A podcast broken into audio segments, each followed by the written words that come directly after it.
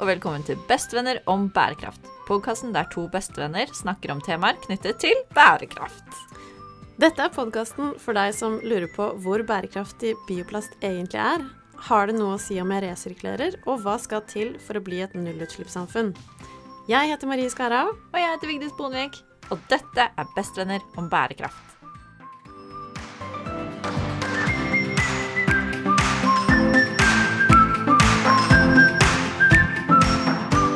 Hallo, hallo. Hallo. Hei. Hvordan går det? Det går bra. Så bra. Deilig å være tilbake i en studio. Det er en liten stund siden sist nå. Ja, nå er det ja, Det er ganske lenge siden.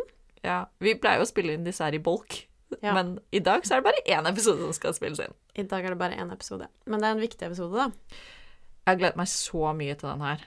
Skikkelig, liksom. Vi har snakket om det ganske mye, og det har vært mye i media i det siste også, så det Men først må vi snakke om hvordan vi har det. ja, Vil du begynne? Hvordan har du det? Jeg har det veldig bra. Eh, Jeg har Jeg startet uka med å dra til Bergen og snakke med NHH-studenter på ESG-dagene deres. Som Kult. er Ja, det er en sånn alternativ karrieredag for studenter som ønsker seg en jobb med mening. Eh, og da fikk jeg snakke med dem om hvordan jeg jobber med verdikjeder, og hvordan eh, vi kommuniserer bærekraft i fast moving consumer goods på en måte som forbrukerne kan forstå. Da. Mm. Eh, så det var Eller på en måte som vi håper forbrukerne kan forstå. Eh, så det var skikkelig inspirerende og fint å møte møte Så kult. Ja, å møte sånne engasjerte unge mennesker. Det var veldig gøy. Ja, var de engasjerte? Ja, veldig. Så gøy. De var Altså, de som brydde seg, brydde seg liksom på ordentlig. Og de kunne så mye mer enn det jeg kunne da jeg var på deres alder, og det ga meg bare litt sånn håp for fremtiden, da. Åh, så bra. Mm. Ja, man trenger sånne unge, engasjerte folk. Ja. Jeg sa det til dem. Jeg sa altså, som forbrukere har dere masse makt. Altså vi som sitter i bedriftene, vi, vi hører jo på forbrukerne. Vi er jo helt avhengige av dem. Og i tillegg som arbeidssøkere så har de så mye makt. Mm. Altså en toppstudent fra NHH, ikke sant. Det er, alle vil jo ha den studenten øh, til å komme og jobbe hos dem. Så da kan man jo faktisk sette litt krav til typen bedrift man ønsker å jobbe for. Ja, det, det tror jeg um, Altså man, når man er ny i arbeidslivet, så glemmer man det litt. At Mm. man har eh, Man har egentlig ganske makt til å til å påvirke Altså, ja, hvis man sier Hvis man spør spørsmål i jobbintervjuet da, om hvordan selskapet jobber med klima og miljø, så har man en påvirkning. Mm, ja, man har det. Eh, og så har vi hatt quiz. Ja. og det vil jeg si var en suksess. Ja, det var veldig gøy. Mm. Vi hostet vår første live-event på torsdag. Mm. Eh, tusen takk til alle som kom. Det ble jo helt fullbooket. Det kom flere enn vi hadde plass til. Ja, Det var det, gøy. ja, vi måtte ta inn masse ekstra stoler og bord og ja. Nei, det var kjempegøy. Mm. Var det Hadde du et eh, favorittspørsmål i quizen? Jeg syns alle spørsmålene var Altså, det er vi som har laget de, da. Men jeg syns alle spørsmålene var veldig morsomme. Ja. Um, men åh, nå har jeg glemt det. Jeg hadde egentlig et, et favorittspørsmål, men jeg har glemt hvilket det var. Mitt var eh, når, eh, når Trump prøvde å kjøpe Grønland. For det var jo en allmennquiz, men med en liten bærekraftsfri, siden det er eh, oss. Ikke sant. Ja. Men OK, hva skal vi snakke om i dag? I dag så skal vi snakke om klimakvoter. Uh. og det er jo veldig spennende tema, da, og spesielt fordi det har vært litt sånn uh, nyhetssaker om klimakvoter i det siste. Eh, men vi kan jo bare starte med en liten sånn Hva er egentlig en klimakvote? Ja, jeg har en definisjon her fra Energi og klima, som Mhm. sier at eh, en klimakvote er en tillatelse til å slippe ut ett tonn av klimagassen CO2 i atmosfæren. Eh, og da finnes det forskjellige typer kvotesystem. Det er et offentlig system som er regulert.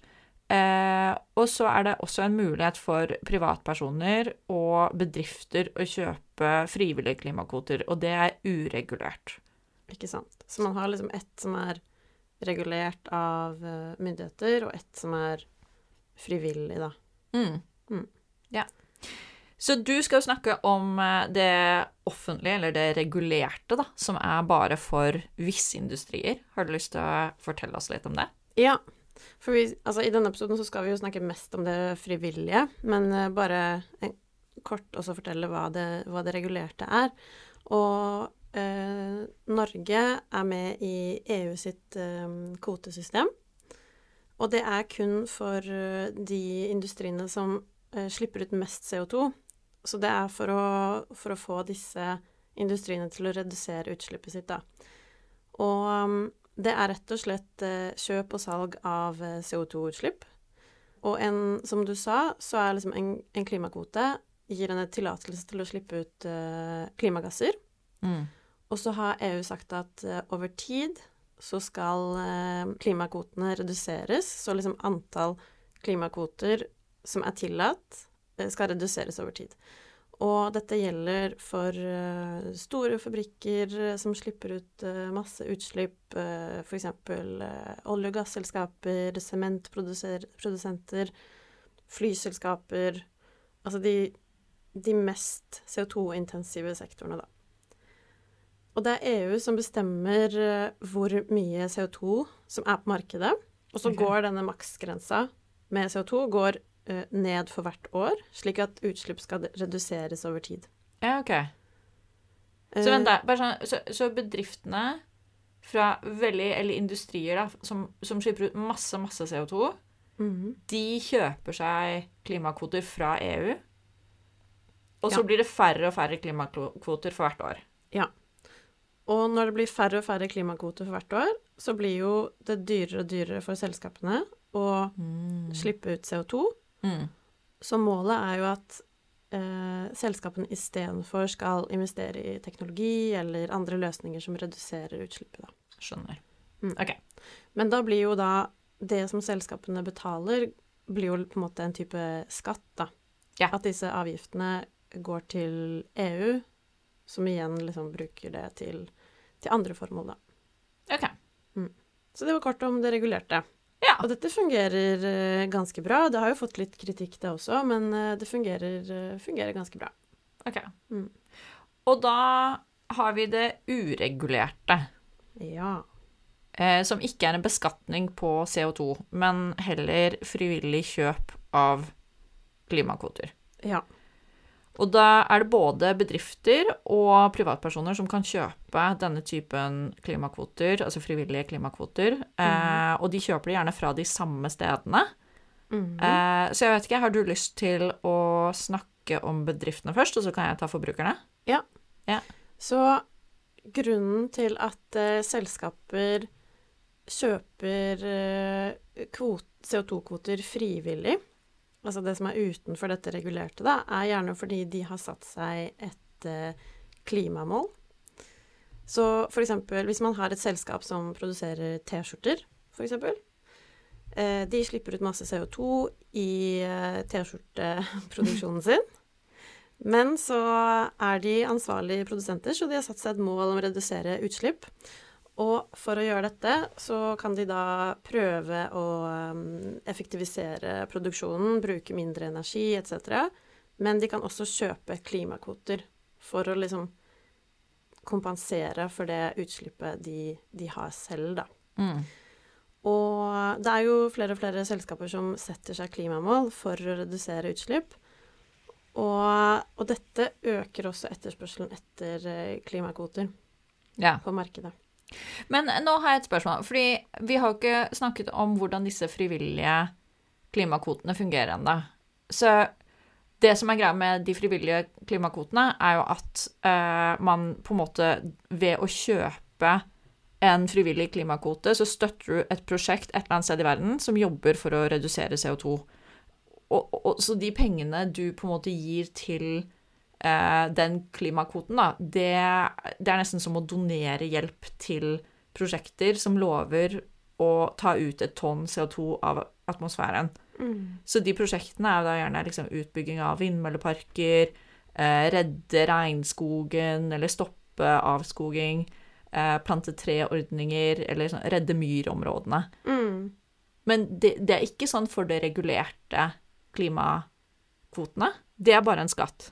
Ja, det er en skatt, men så går jo de, de Den skatten går til EU, og så omfordeler EU disse skatte, skattepengene, da. Og noe av det går jo til klima, klimaprosjekter.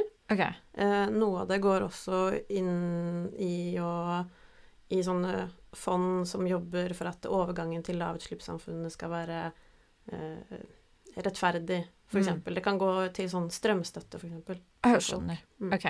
Ja, så Forskjellen på disse to markedene er at en av dem er det EU som bestemmer hvor pengene går, og det Mm. andre er et privat marked som der det er bedrifter som, eller organisasjoner da, som bestemmer hvor pengene går. Ja.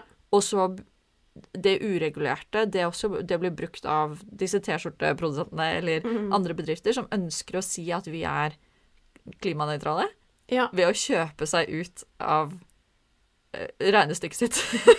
Ja, Ja. nettopp. Så okay. de, de slipper ut CO2, og så betaler de noen for å beskytte skog Ja. tilsvarende den CO2-en. Liksom, fange den CO2-en tilbake igjen, nesten. Ja. ja. OK, skjønner. Er det her vanlig for bedrifter å kjøpe klimakoder?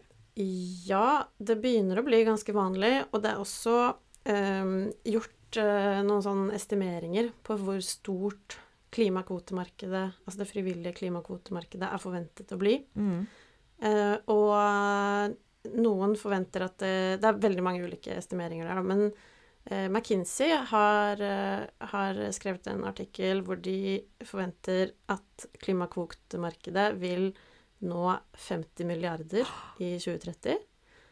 Oh. Mens eh, Dollar? en annen artikkel fra SP Global de forventer at det kan nå omtrent 1 billion. Men da snakker vi dollar. Da snakker vi dollar, ja. Shit. Og til sammenligning, da, så er én billion er omtrent like stort som olje- og gassmarkedet i dag. Ja. Og det, det er helt spinnvilt. fordi tenk på alle de landene som liksom har Altså Norge, da. Vi har bygd opp velferden vår på olje og gass. Og klimakvotemarkedet er forventet å bli like stort. Eller ett sted. Altså det er ganske stor forskjell på 50 milliarder og 1 billion. Men det er, det er store mengder. Det er mye penger. Ja. OK. Greit. Men da vet vi hvor vi skal investere, da. Eh, Eller skal vi det? For det skal vi snakke om, da. Fordi eh, det her er jo også da Det er jo ikke bare bedrifter som, eh, som kjøper disse klimakvotene. Det er jo også forbrukere.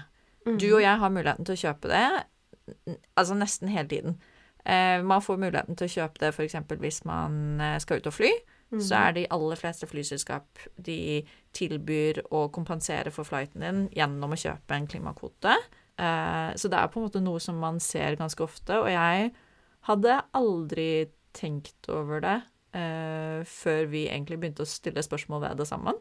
Mm. Eh, og så, etter hvert som vi begynte å grave, så, så føler jeg at jeg på en måte har blitt mer og mer skeptisk til det. Men jeg tenkte først å snakke litt om hva jeg syns er bra med klimakvoter for forbrukerne. Ja, Få høre. Fordi eh, jeg i jobben min eh, snakker mye om å kommunisere bærekraft, og jeg vet at det er mye forvirring om bærekraft. Det er veldig lite intuitivt for forbrukere å vite hva som er bra og hva som er dårlig. For eksempel er det grønt å kjøpe noe som har blitt produsert med bruk av vindkraft. Er det på en måte bedre? Hvem vet? Mm. Eh, hvor viktig er kjøttfri mandag? ikke sant? Det er det vanskelig å egentlig ha noen formening om. For eksempel, altså, hvor, hvor grønt er det å investere i, i liksom bærekraftige fond istedenfor indeksfond? Uh, så, så jeg føler at det, det er liksom flere og flere selskap som profilerer seg på å være grønne og tilby grønne produkter. Og så er det så umulig for forbrukere å se hele bildet at det er, det er så utydelig, da. Mm. Mens klimakvoter, det er så innmari intuitivt. Det er sånn du skjønner Her har jeg en handling med å ta et fly eller få noe tilsendt eller kjøre bil eller et eller annet som slipper ut CO2, og så kjøper jeg en, en service da, som kan hente den CO2-en inn igjen. Mm. Så, og, og det er så intuitivt, og det gir veldig mening. Eh, Så, så det syns jeg er veldig positivt. Ja. At det er en veldig tydelig Det er en tydeliggjøring av utslipp, da. ja. Det er liksom pluss, minus Ja. regnestykket. Ja, det, ja, jeg kan være en, enig i det. For jeg tenker sånn tydelighet er alltid bra når man skal kommunisere om bærekraft. Ja, Ja. tydelighet er bra. Men Ja. så er det jo litt mer komplekst, da. Ja, det skal vi komme til. Eh, og så er det en ting til jeg tenker er eh, positivt, og det er eh, at det her gjerne da blir markert ved siden av aktiviteter som krever veldig mye Eller som har veldig mye utslipp. Og det også Mm. tenker jeg er fint å bevisstgjøre forbrukerne på at oi, nå skal du til å gjøre noe som har eh, Som er utslippstungt, da. Mm. Og det også tenker jeg er fint. Ja det var de to positive tingene jeg hadde om klimakvoter. Har du noe positivt? Eh, altså, ja, jeg sliter litt med å, slitt litt med å finne på noe positivt, eller komme på noe positivt. Men jeg tenker jo at i utgangspunktet så er det jo bra å kompensere for det utslippet man har. Kompensere for fotavtrykket. Det er jo i utgangspunktet bra. Det er bra å beskytte skog, det er bra å beskytte altså alle disse natur, natur CO2 fangerne våre, på en måte. Som mm. skog, eh, myrer ehm, Det er i utgangspunktet bra. Ja, vi er, altså, vi er jo pro skog og myr. ja. ja. Vi er jo det. ja, ja. Absolutt. Veldig pro disse naturbaserte løsningene. Ja. Men eh, ja, det er jo veldig komplekst, da. Ja. Skal vi snakke litt om hva som er mindre positivt med klimakvoter, da? Ja, ja. OK. Fordi som vi har sagt mange ganger, så er jo klimakvoter for forbrukere og bedrifter da mm. ikke regulert. Med mindre du er i disse industriene som er innlemmet i EU-systemet. Mm. Så alt det andre er ikke regulert. Mm. Så det betyr at det ikke finnes noe system for hvem som kan og ikke kan selge klimakvoter. Mm. Så du og jeg i prinsippet kan egentlig starte å selge klimakvoter gjennom Bestevenner om bærekraft i morgen. Ja, men Ja. hvis vi vil. Ja. Altså, vi kan jo gå og plante litt trær, og så si at dette er et tonn, og så er det, det er ikke noe regulering på det, så jeg, jeg vet faktisk ikke hva som ville skjedd. Nei, det er i hvert fall ikke en regulering per nå. Nei. Vi kunne kanskje blitt anklaget for grønnvasking, men det er ikke noe Og det er det jo folk som har blitt. mm. Men, men det er altså det er på en måte ikke noe jeg, jeg vet faktisk ikke om vi ville fått noe fått noen konsekvenser hvis vi hadde gjort det. For det, det, det, er, det er veldig veldig vanskelig å sjekke. Mm. Så når hvem som helst kan selge klimakvoter, så er det også da veldig stor forskjell på prosjektene og hvor mye CO2 de faktisk klarer å redde Mm. i gåsetegn da, fra atmosfæren. Eh, og så er det heller ikke noe ordentlig system for utregning av hvor mye CO2 som faktisk blir spart. Mm. Eh, og så fordi det ikke er regulert, så er det også heller ikke noe oppfølging av prosjektene. Mm. Så Og spesielt det her med oppfølging av prosjekt, det er veldig viktig. Eh, for det er, eh, det er på en måte eh, Hvis man ikke sjekker at prosjektet har blitt gjennomført, eh, så kan jo bare Ja, da kan du og jeg si at vi gikk og plantet en skog, da. Og så, hvis ingen sjekker det, så får vi bare ta klimapengene våre og gå videre. Ikke sant? Ja. Ja. Og så akkurat med skog, da, så er det jo Én ting er på en måte å sjekke at eh, prosjektet blir gjennomført, at trærne blir plant planta. Men eh, man må jo også følge opp at trærne fortsatt står der om ett år, om to år. Eller så kan man liksom Ja, vi planta masse trær, og så blir trærne hogd ned året etter. Ja. ja, og det krever også da ganske mye forskjellige typer fagkompetanse eh, Mm. for å forstå disse forskjellige aktivitetene. Eh, så, og hvor mye CO2 de faktisk henter inn. Mm. Altså Avskoging kan man gjøre for enten for landbruk eller for å eh, skulle bygge hus eller for å selge tømmer. Altså det er mange grunner til at man avskoger. Mm. Eh, Så da, hvis man skal beskytte en skog, så må man da skjønne hvorfor er det den blir hogget ned, og hva er, det, hva er tiltakene med, som ligger bak, da, eller som, Ja. som kan beskytte denne skogen. Ja. Så det er bare enormt komplekst å skulle selge en reell klimakvote, da. Mm. Og så tenker jeg også noe annet jeg eh, er litt negativ eh, mot klimakvoter, er at jeg mener at det er å kjøpe seg god samvittighet. Mm. Mm. Eh, fordi istedenfor at vi endrer systemene på det som slipper ut klimagassene, eller endrer vår egen oppførsel, eh, så delegerer vi ansvaret til noen andre, og da gjerne i utviklingsland. Så jeg tenker at ideelt, istedenfor å kjøpe klimakvoter, så kunne vi brukt forbrukermakten vår, og så støttet aktører som faktisk er med på det grønne skiftet, istedenfor å fortsette business as usual, og så kjøpe klimakvoter for å tenke at da går man i null. Ja. Jeg er veldig enig. Og det har jo også liksom noe med hvordan Altså, når man kjøper en flybillett, hvordan det kommuniseres rundt det å kompensere for flyturen. For jeg tror mange liksom tenker at det, å ja, men hvis jeg kjøper eh, Hvis jeg kompenserer ved å kjøpe klimakvote for denne flyturen, så er det jo greit. Mm. Man har jo liksom ikke Altså, det hadde vært mye bedre å ta tog. Mm. Men man, man tenker liksom da, da er det OK. Og det beste hadde jo bare vært å la, latt være. Mm. Og at det på en måte skal være siste utvei, da, er, å- er å kjøpe klimakvoter istedenfor å øh, Isteden så burde man prøve å redusere utslippet. Ja, vi skal komme tilbake til hvor effektivt disse klimakvotene er. Ja. Uh, men jeg har med to skrekkeksempler. Mm. Skal jeg ta de først, og så kan du ta, Ja, ta ditt etterpå? få høre. Ok. Så jeg, i researchen vi gjorde før denne episoden, så kom jeg over to skrekkeksempler på plant et tre. Mm. For jeg har vel frem til nå nylig tenkt at å plante trær er kjempebra. Eh, men så lærte jeg at det er ikke alltid sånn. Så det første eksempelet er fra 2012 i Filippinene, hvor man satte en verdensrekord på å plante trær på en time. Eh, over en million trær ble plantet på ja, rett over en time, da. Oi. Og da hadde de Guinness World Record var der.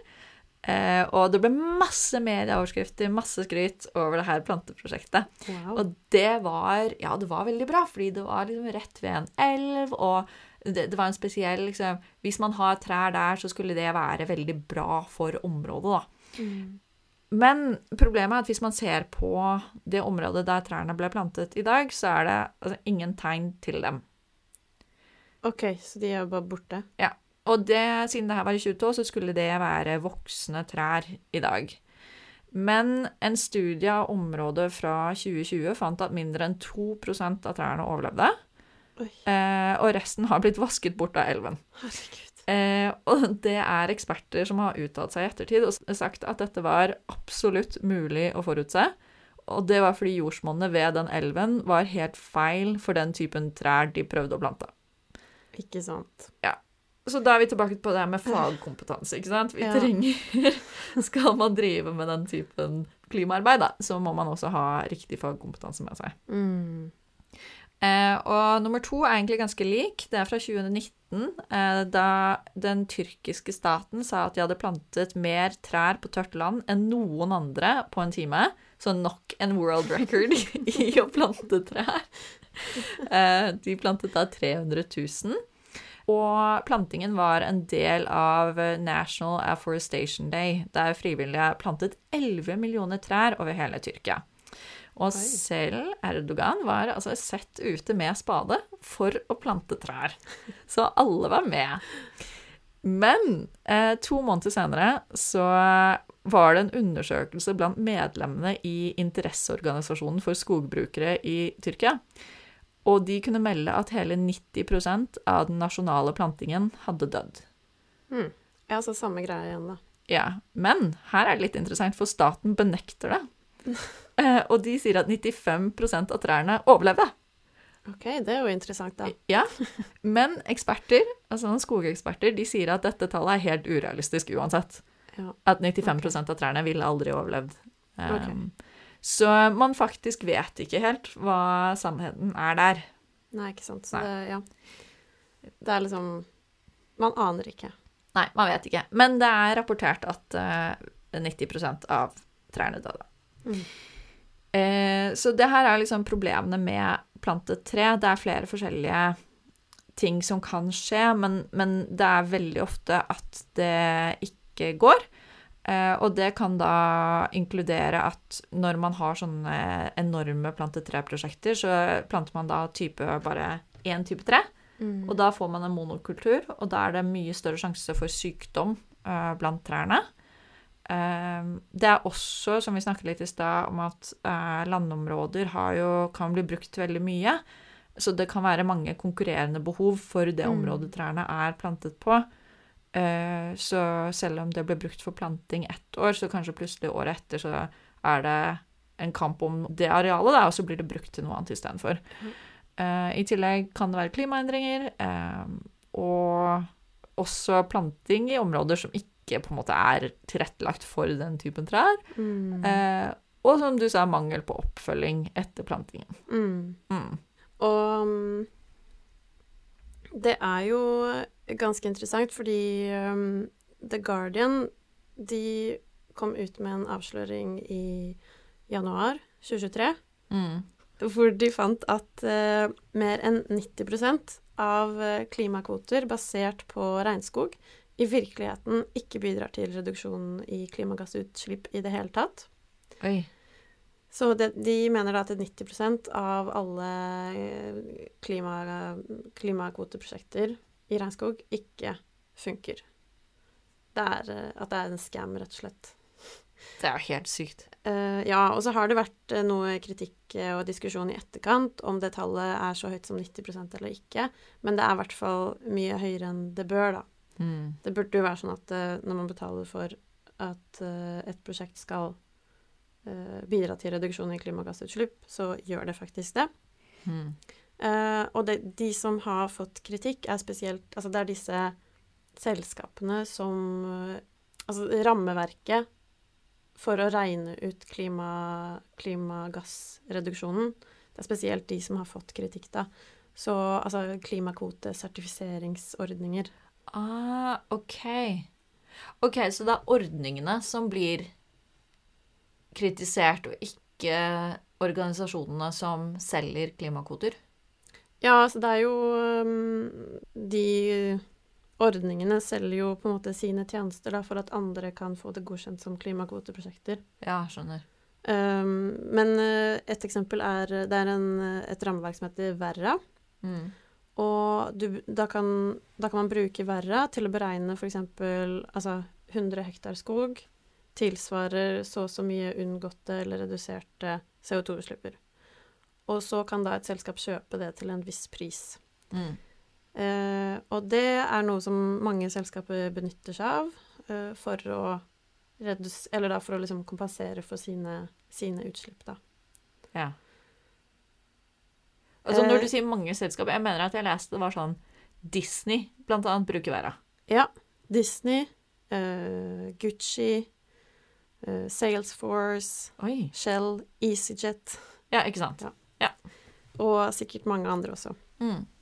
Så det er jo nettopp eksempler på det som du sa, da, at uh, man følger ikke opp, man planter på feil årstid, man planter feil trær i feil jord, man eh, beskytter skog som kanskje egentlig ikke er trua. Det er så krise. Jeg har, jeg har lest en del om det også, med folk som påstår at de beskytter skog, og så viser det seg at ja, men den skogen skulle jo aldri hugges. Nei, ikke sant? Ja. Det er veldig merkelig. Så øh, ja, det er veldig vanskelig å liksom navigere i dette frivillige CO2-kvotesystemet og vite Mm. hva, som er, hva som er bra, hva som ikke er bra. Ja. En annen ting som jeg også syns er veldig problematisk, da, er at man, sånn som du sa, man kjøper seg fri. Man kjøper seg liksom god samvittighet. Mm. Eh, men så er det på en måte bare oss i Vesten som egentlig har råd til det. Ja. Altså, vi kjøper oss fri. Vi kompenserer for vårt utslipp, men så påfører vi at alle disse kompenseringsprosjektene skjer i andre land. Mm. Og da er det jo på en måte liksom Hvem er det som egentlig eier karbon? Og jeg har også hørt, eh, hørt noen eh, si at eh, karbon burde blitt ansett som liksom eh, en nasjonal eh, naturressurs på samme måte som olje. Typ sånn at ehm, Altså, hvem er det som eier oljen? Hvem er det som eier skogen? Hvem er det som eier naturressursene? Er det myndighetene? Er det bønder? Er det skogeierne? Og hvem er det som skal bli kompensert for å beskytte den? Mm. Man ville jo aldri godtatt at eh, et utenlandsk selskap kom til Norge og bare begynte å drille etter olje. det ville man ikke godtatt. Eller man ville ikke, heller ikke godtatt at eh, et utenlandsk selskap kom til Norge og hogde skogen og solgte tømmer. Eller fisket hos oss. Ja, eller fisker, ja, i Ja. Våre, våre farvann. Nei, heter det farvann? Hav. Ja, la oss si det. La oss si det. Eh, og man kan jo tenke på liksom karbon på litt samme måte. Eh, eksempel i Papagunea så er det massevis av skogbeskyttelsesprosjekter, hvor da selskaper setter i gang prosjekter for å beskytte skog, Mm. og så selger dette som klimakvoter. Mens eh, Guinea har ikke sett en eneste krone av disse prosjektene. Det er liksom andre selskaper som tjener på å beskytte skogen i det landet, da. Eh, så man kan jo på en måte gå så langt som å si at eh, frivillige kvoter egentlig er eh, stjålet i mange tilfeller. Sikkert ikke i alle tilfeller, men i mange tilfeller så er det ikke de som Altså det er ikke de som eier landet eller skogen som blir kompensert, da. Og det her blir også superviktig, spesielt med tanke på regnskog og urfolksrettigheter. Hvem er det som eier landet? Hvem er det som skal ha rett til å liksom selge det videre, på en måte? Mm. Og i hvert fall hvis klimakvotemarkedet blir så uh, stort som det vi snakket om i starten. Herregud, jeg fikk helt frysninger nå. Ja. Ja. Jeg vet ikke. Jeg tenker at eh, vi kommer oss ikke unna klimakvoter uansett. Jeg tror vi må ha et eller annet eh, system for det. Og altså, sånn som det er nå, så føler jeg at klimakvoter i veldig mange tilfeller egentlig bare er selvbedrageri. Mm. Eh, vi på en måte Vi og selskaper og vi, bare, vi lyver til oss selv og sier 'det går bra, vi kompenserer'. Ja, Og vi lyver til hverandre. Ja. ja. Uh, men jeg tror ikke vi kommer oss unna det, da, men jeg tror vi må bare finne en eller annen måte å gjøre det ordentlig på. Og mm, jeg tipper at uh, det kommer til å komme flere reguleringer rundt det frivillige kvotemarkedet etter hvert. Mm. At man kanskje kommer med en felles standard, får på plass mer ordentlige retningslinjer. At det er liksom offentlige institusjoner som definerer hva som er en sertifisert klimakvoteprosjekt og ikke, Mm. istedenfor at det er private aktører som gjør det. Mm. Uh, og så tror jeg man må komme Altså myndigheter må komme mer på banen, og spesielt liksom mer samarbeid med myndighetene i disse landene hvor de fleste klimakompenseringsprosjektene er, da. Og også mer samarbeid med lokalbefolkning, med bønder som eier skogområdene, med urfolk. eh, ja, de som eier landområdene, er de som må også kompenseres for det, da. Altså, da, da mener jeg finansielt Mm. kompenseres for det. Ja, ikke sant. Mm. Så tror du at det er en så Det jeg hører du sier, er at det er en fremtid til klimakvoter, men det må se annerledes ut. Ja, jeg tror det. Jeg tror ikke vi liksom kommer unna klimakompensering. Det tror Nei. jeg ikke. Men sånn som det Nå er det jo helt Texas, så Ja. Men da kanskje det kommer en løsning etter hvert, eller kommer et, bedre system, Jeg håper det. som ikke er Texas. Kanskje det er den loven vi skal eh, endre. Ja. Når bestevennen slår til. ja. Ja, kanskje det. Men ehm, jeg, har, eh, jeg har tatt med to eksempler på bedrifter som har sluttet med klimakompensering. OK. Av to litt ulike grunner. Mm. Eh, Så jeg tenkte jeg skulle bare fortelle om det før vi avslutter. For eh, EasyJet, som du nettopp eh, nevnte, som har brukt Verra, Ja. ja, de faktisk kom ut i slutten av 2022 og sa at de skulle slutte med klimakompensering. OK. Eh, og det de sa, var at de istedenfor ønsket å jobbe mot 78% nedgang i utslipp mot 2050, eh, gjennom å da investere i mer effektive fly, uh, bærekraftig drivstoff og operasjonelle forbedringer. OK. Det er jo bra. Ja, så de ønsket å bruke de pengene som de egentlig da brukte på uh, klimakompensering, og så heller putte det på å grønnere tiltak hos seg selv. Mm. Og det tenker jeg er veldig Det er bra hvis man gjennomfører det man sier man skal. Ja, jeg er helt enig. For da tar man liksom tak i eh, problemen, problemet i Ja. liksom kjernen. Ikke sant? Mm. Ja, så syst sy- systemendring istedenfor eh, å kjøpe seg god samvittighet. Ja. Eh, og så den andre var Arla, som eh, driver med melk i Sverige. Eh, og de også nå slutter å klimakompensere sine produkter, eh, blant annet da å plante eh, trær i Afrika.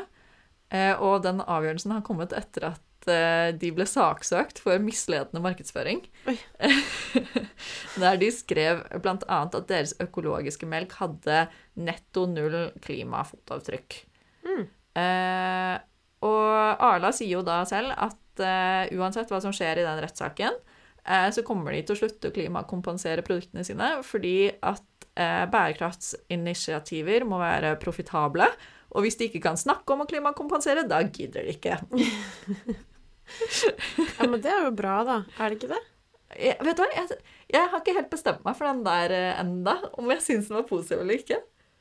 Ja, jeg vet ikke. Jeg bare syns det er kult at det, det begynner å bli sånn eh, eh, rettssaker ut av det her, på en måte. Ja, det er kult. Ja, og det, etter den der Guardian-avsløringen så er det jo masse rettssaker nå som pågår. Mm. Og det er bra. Og da skal det sies at Arla har på deres nettsider så har de altså mål mot 2030, så skal de redusere scope 1 og 2, altså fra eh, eh, CO2-utslipp eh, av egen produksjon. Den skal reduseres med 63% altså til 2030. Så de har også De tar grep Ja. um, utenom klimakompensering. Så jeg syns jo egentlig det er veldig kult. Ja. Ja. Ja, jeg er enig. Mm. OK, men eh, skal vi si at vi er eh, ferdig med episoden, da? Ja. Har du lyst til å ta en liten oppsummering? Det har jeg. jeg tenker vi har lært i dag at én, det finnes to markeder for klimakvoter. Hvor det ene markedet er det du snakket om, som er regulert for industriene som har mye utslipp. Og det andre er uregulert for bedrifter og forbrukere. Og det uregulerte, det eh, er kaos. Ja. Ja. Der er det Ville Vesten. Og så nummer to eh, Det regulerte markedet, det fungerer som en skatt på forurensning. Ja. Eh, og nummer tre Det var det vi nettopp sa, da. Det uregulerte er problematisk fordi det er uregulert. Det er kaos. Eh, og fire Det uregulerte for forbruker og bedrifter er også problematisk fordi man kan kjøpe seg god samvittighet. Mm. Og kanskje ikke da endrer problematisk oppførsel. Nei. Ja. Er vi enige om det? Ja, Ja. vi er enige. OK. okay. Men før vi avslutter, eh, så har jeg litt sånn housekeeping jeg har lyst til å gå gjennom. Mm. Fordi vi eh, har en ny quiz på Naturlig Eatery på Grünerløkka eh, den 23. mars. Mhm. Eh, og vi storkoste oss med alle de morsomme, smarte menneskene som var der sist. Så vi håper at hvis du er i Oslo, at du kommer innom og sier hei, eh, og eh, blir med på quiz. Eh, og så vil vi gjerne oppfordre dere til at dere rater og gir en liten review hvis dere liker det dere hører. For så langt så er det bare jeg som har reviewet oss. Hvor mange stjerner ga du? Jeg ga oss fem. Men det er veldig hyggelig hvis noen andre gjør det òg. Ja. Ja. OK, jeg kan gjøre det, da. Ja. Og så foreldrene dine også, så har vi kommet langt. Um, nei, og så er de, Til de som har sendt oss mail, så setter vi skikkelig pris på det. Det har vært så hyggelig å få mail med forespørsler og eh, spørsmål og Ja, vi setter skikkelig pris på det, så fortsett å gjøre det. Mm. Snakkes vi til uka, da. Da snakkes vi til uka. Ok. Ha det. Ha det. Du, du, du, du.